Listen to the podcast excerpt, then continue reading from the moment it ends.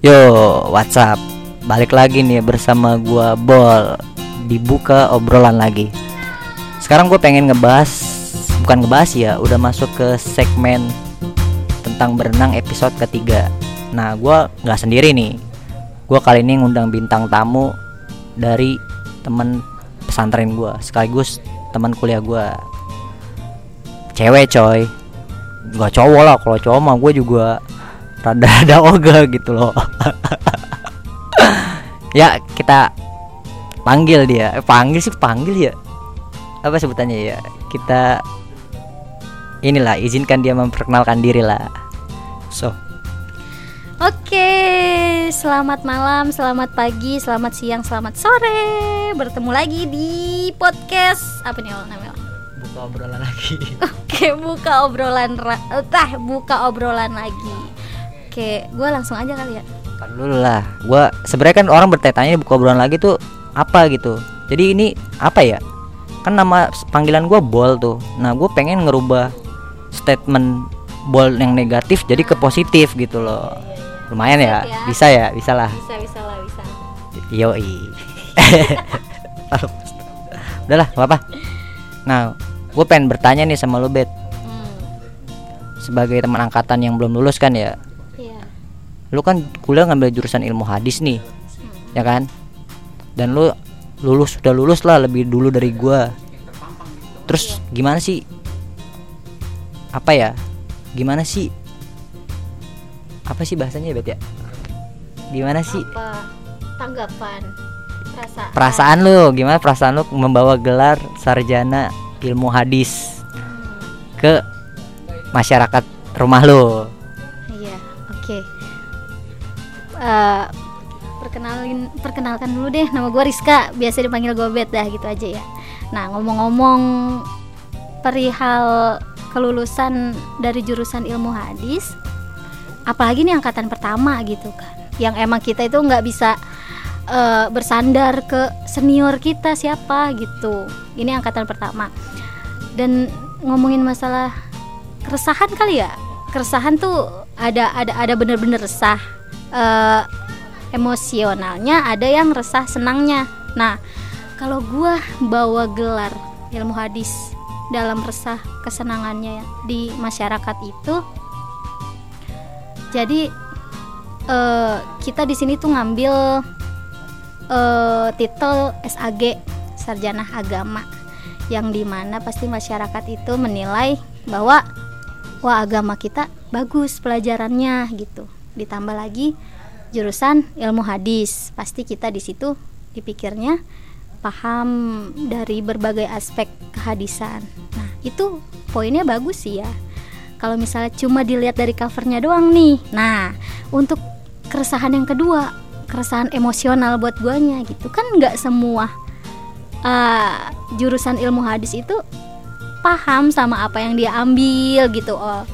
Terus apa yang masyarakat lihat dari luar itu kan nggak mungkin dalamnya kita nyaman sama apa yang kita ambil gitu oh nah apalagi gue sebagai guru yang emang eh, mayoritas guru-guru gitu kan guru-guru itu kan SPD ya sarjana pendidikan.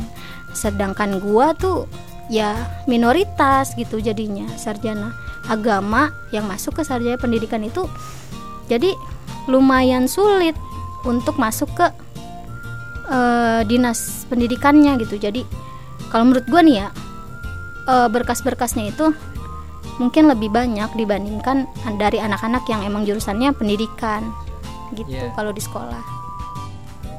Berarti bisa dikatakan lu ini ya di sisi lain senang belajar agama cuman beban gitu membawa gelar ilmu hadis. Ya enggak Hmm, terus lu juga bisa dikatakan lu ngambil pekerjaan anak-anak tarbiyah dong. Iya. Karena kan gelar lu kan SAG bukan SPDI ya jadi lu secara apa ya secara apa sih bahasanya ya apa nih jadi lu Mental. meski meskipun lu Apa? meskipun lu di bidang pendidikan SAG kan bidang pendidikan ya Iya. cuman versi agamanya Hmm. tapi karena gelar lu SAG jadi lu kayak di nomor dua kan lah daripada yang SPDI gitu kan Ah, bisa sampai gue pernah di kantor bilang ada yang bilang gini "Eh, kenapa nggak masuk ke departemen agama aja gitu? Terus nggak kenapa nggak coba ke Kementerian Agama atau kantor-kantor KUA itu kan masih masuk gitu sama sarjana agama. Gue pertama kerja baru berapa minggu gue udah diceletukin kayak gitu gitu kan. Jadi mental juga rada kena gitu kan kalau misalnya ngelihat dari titel SAG daripada SPD kayak gitu. Tapi so far gue ngambil jurusan ilmu hadis sebenarnya mah di dulu dulu lu kan lu kan ilmu hadis juga nih. Ah. kita seangkatan nih. Ah, lu ngerasa salah jurusan nggak gitu? Ngambil kayak gini nih ngambil jurusan ilmu hadis ini kalau gue ya? Ah. kalau gue sih dibilang salah jurusan enggak ya kalau gue dibilang salah jurusan sih enggak.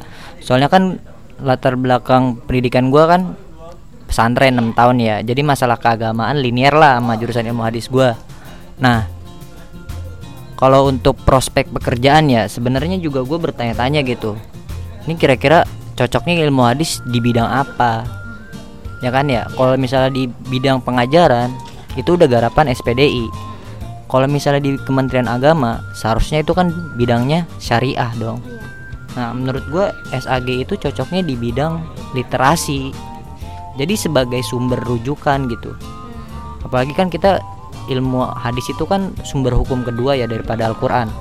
Secara otomatis kita adalah informan utama dong dalam mem- membuat keputusan entah itu kurikulum pendidikan atau eh, keputusan apa sih bahasanya itu? Fatwa. Ya harusnya kita sebagai bidang literasi sih menurut gue cocoknya kalau lulusan ilmu hadis. Oh jadi literasi. Jadi Kayak sumber masuk informasi gitu. Mm-mm. masuk akal juga sih. Cuma kadang oh gua kalau ngelihat dari alumni alumni ilmu hadis nih ya mungkin karena nggak mau ngambil ribet kali oh. Ngerti nggak sih? Nggak mau Gimana? ngambil ribet kayak misalnya kan menurut lu tuh hmm, cocoknya buat jadi literasi gitu kan. Eh, jadi Li- kayak prospeknya literatur belum nggak jelas ya? Iya prospeknya kayak nggak ada nggak ada posisi yang tep apa ya? Iya. Secara profesional nggak ada lah gitu bidangnya Heeh, jadi kita sebagai alumni ngambil yang simpelnya aja gitu. Iya. Ah udahlah gue guru aja. So eh, maksudnya jadi guru juga kita masih bisa ngajarin agama. Kita di ilmu hadis pun belajar nggak cuma ilmu hadis doang gitu. Jadinya kita ngambil ya yang yang simpel-simpelnya gitu. Iya sih bener. Gue juga sepakat gitu.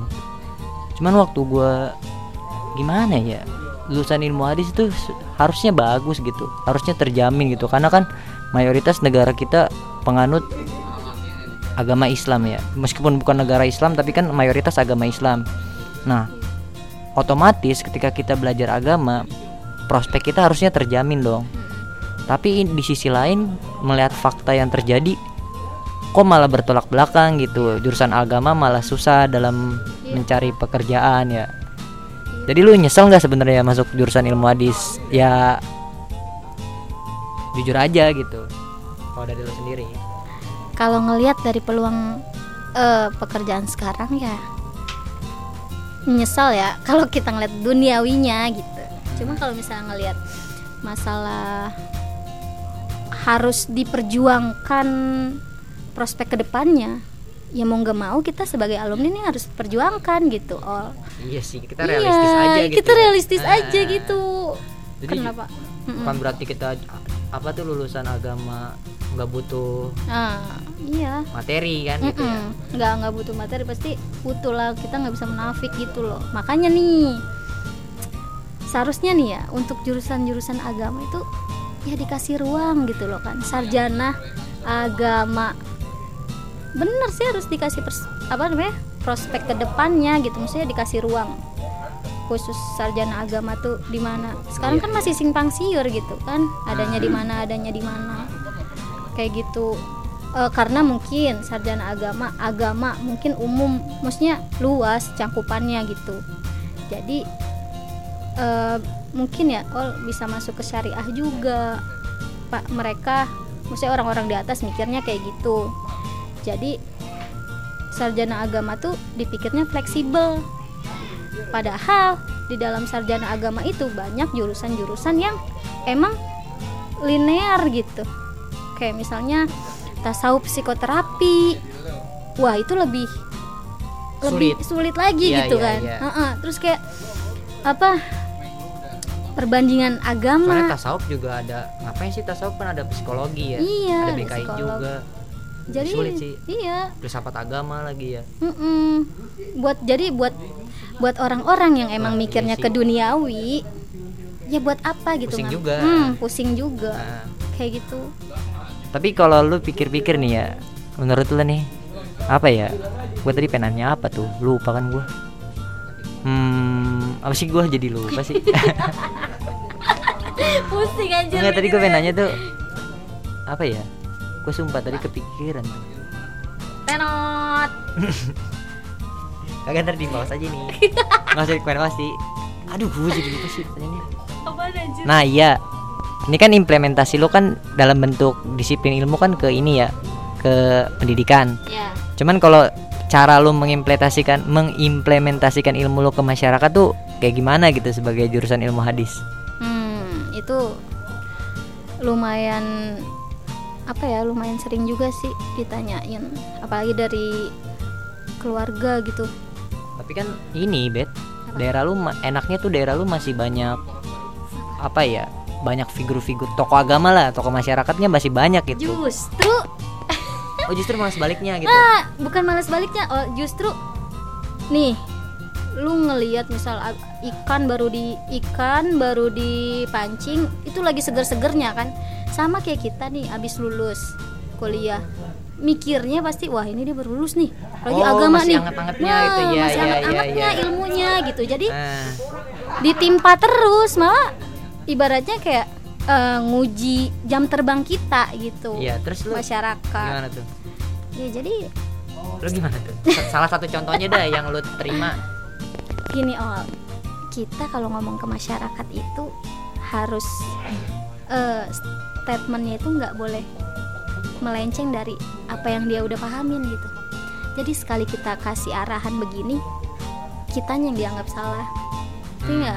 Jadi dia nanya tapi nggak menerima pendapat kita nah gitu. eh, jadi misalnya eh kayak misalnya contoh contoh hadis apa ya yang ini ada mayat yang mayat nggak boleh diratapi banget nih kan itu hadisnya doif ya kalau nggak salah doif Ah. apa sih Iya, yang iya. Siti Aisyah yang terus di Ya, maksudnya nggak boleh berlebihan lah. nah nggak boleh berlebihan Nah. Nah, yang hadis itu tuh Nah, Terus? terus terus diklarifikasi sama Siti Aisyah kan jadinya tuh hadis hadis yang itu nah terus jadi kan kita kita kasih kita kasih argumen kalau hadis itu sebenarnya doif Doif, gitu. gitu. Terus masyarakat nggak ah nerima gitu. masyarakat nggak nerima. Tapi emang nggak boleh kita nangis sampai kayak gitu gini gini gini. Oh, oke. Jadi kita mencoba buat masuk ke ranah masyarakat juga nggak apa-apa gitu. Kita ngasih pemahaman kayak gitu nggak apa-apa. Yang penting kita udah ngasih apa yang kita udah kasih ta apa yang kita udah pahamin gitu aja sih. Oh Ah, selebihnya masyarakat nerima atau enggak ya itu urusan dia Jadi kayak primitif gitu ya pemikirannya Iya. ya. Gue juga gue juga kemarin baru-baru ini ngerasain sih pas gua ini kan gara-gara covid-19 kan di rumah terus nih nah gue disuruh jadi imam sholat terawih tuh jadi seolah-olah tuh seolah-olah pendidikan sama pekerjaan itu harus nyambung gitu harus sama gitu ketika gue lulusan ilmu hadis ya gue pasti jadi ustadz Hmm. Ketika lulusan ilmu hadis ya gue pasti jadi guru. Eh, eh. ya nggak apa-apa juga sih Eh, eh. cuman menurut gue kolot lah pemikiran kalau masih kayak gitu ya Iya. apalagi kalau masih ada orang yang nggak menerima opini berbeda ya kayak tadi yang lo rasain tuh Iya. gimana ya konsultan hadis aja bos anjir berat banget sih bawa, bawa gelar jurusan ilmu hadis ya? Parah berat banget. Parah sih emang berat banget. Terus kalau tahu berat lu kenapa nggak pindah jurusan dari awal? Anjir gue udah nyoba apa lu baru coy. sadar tuh pas udah lulus gitu? Gue udah nyoba. Gue udah nyoba kan waktu itu mau masuk ke jurnalistik tapi apa? Iya gue sebenarnya tahu. Hmm, Allah ngasihnya emang jalannya kayak gini. Ya ya udah nikmatin aja. Tapi pas ke sini sini tapi keren loh. Eh, di sekolahan ditanya jurusannya apa tafsir hadis. Lu bilangnya tafsir hadis? Iya gue bilangnya tafsir hadis. Tafsir hadis. Serius tafsir hadis. Itu emang keren sih image-nya bagus gitu. Image-nya bagus. Mm-mm, image-nya emang bagus banget. Tapi gue sebagai alumninya ya belum tentu gue bisa mempertanggungjawabkan apa yang gue ambil nih. Nafsir hadis. Ah. tapi lu sepakat nggak sama narasi yang mengatakan puncak ilmu itu bukan dari pengetahuan tapi dari tindakan gitu. Jadi meskipun meskipun lu nih lulusan ilmu, lulusan ilmu hadis ya lu nggak paham banyak tentang hadis tapi secara secara apa implementasinya lu udah menerapkan unsur-unsur hadis gitu. Apa man enggak lah. Anjir lupa. Oh yang penting kitanya udah menerapkan iya. unsur-unsur kehadisan kita itu. kita udah nerapin unsur-unsur kita udah nerapin unsur-unsur hadis nih. Cuman kalau dari segi disiplin ilmunya ya kita belum paham betul gitu. Heeh. ya kalau Gimana? kalau menurut gue sih nggak apa-apa. Apakah itu bisa dikatakan kita belajarnya sia-sia gitu? Enggak. Enggak. enggak menurut gua enggak. Karena apa ya apa pun yang selama ini kita udah pelajarin tuh nggak ada yang namanya sia-sia mungkin karena apa ya? Eh usaha udah sih.